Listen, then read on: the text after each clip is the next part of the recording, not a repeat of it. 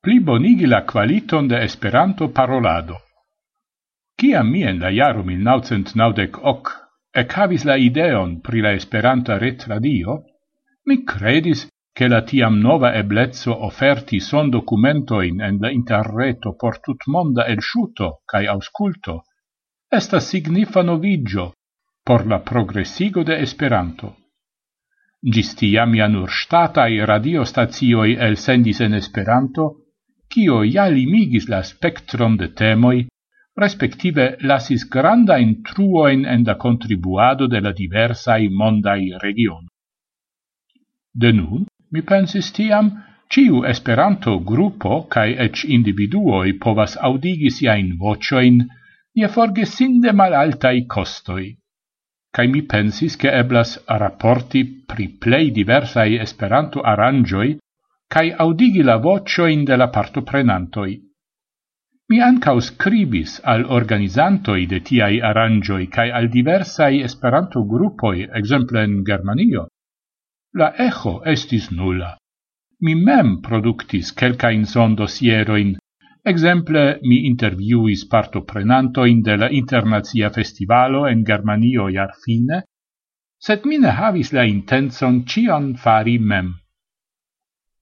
Sekve mia visito ce Pola Radio dum octobro de la sama iaro iom savis mian ideon, char mi comencis registri la satellitain elsendoin de Pola Radio en Esperanto, cae mi enretigis ilin por audigi ilin en la tuta mondo.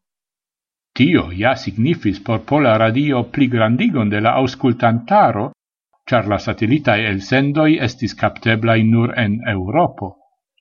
Tiel nun ancau eblis ausculti programoin de Pola Radio exemple en Norda Americo au en Japanio.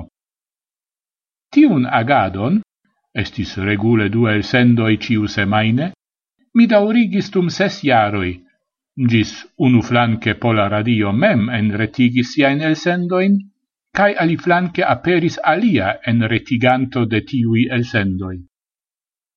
Dum tiu tempo ja aperis aliai retradioi, exemple Radio Saluton el Hispanio au Radio Verda el Canado.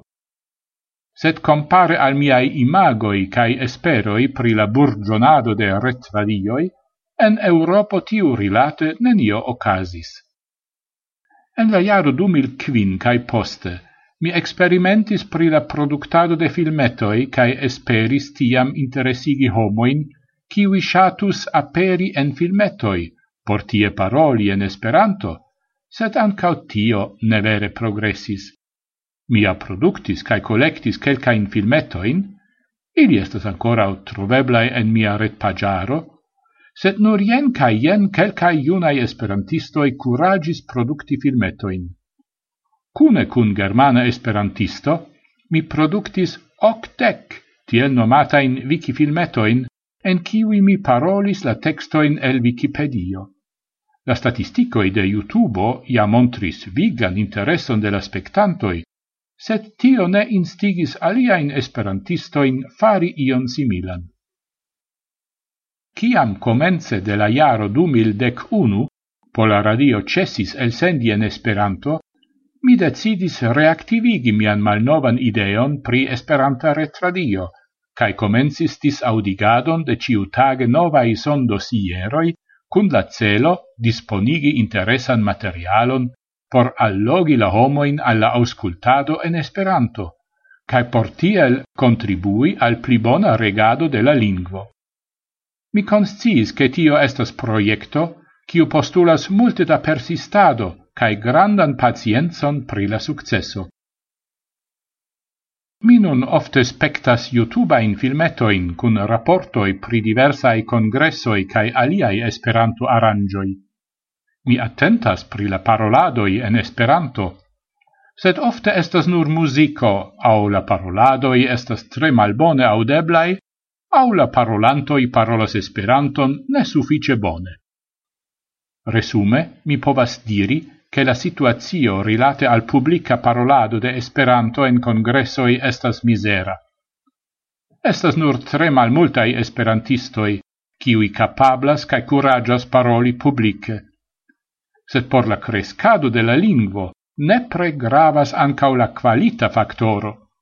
Do la Esperanto movado havas ne nur quantan problemon, shrumpantai membro nombroi de la Esperanto asocioi, sed ancau qualitan cae lau mi la plibonigo de la qualita situatio esas pli urgia ol la quanta problemo.